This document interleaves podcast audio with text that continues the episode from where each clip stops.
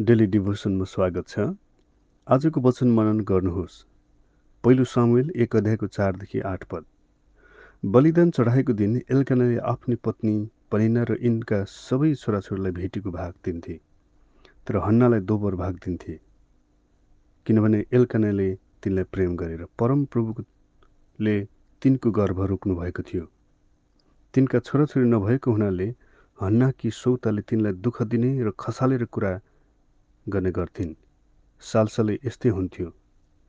जब हन्न परमप्रभुको भवनमा जान्थिन् तिनकी सौताले तिनलाई रुवाएर नखाने बनाउन्जेल एख्याउँथिन्।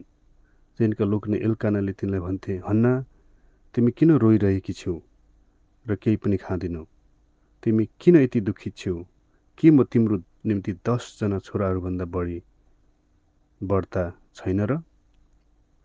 दुईवटा श्रीमतीहरूमध्ये छोराछोरी पाउन नसकेका हन्नाको भित्री दुःख ठुलो थियो।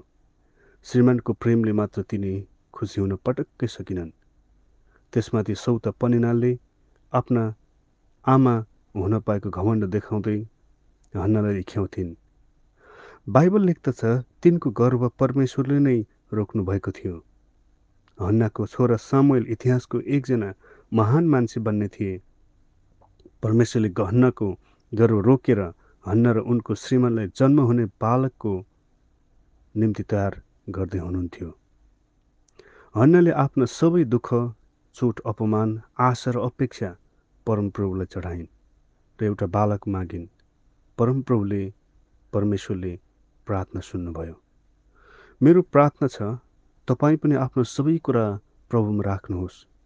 हुनसक्छ हन्नामा जस्तै तपाईँमा पनि परमेश्वरले केही कुरा रोकेर राख्नु भएको छ।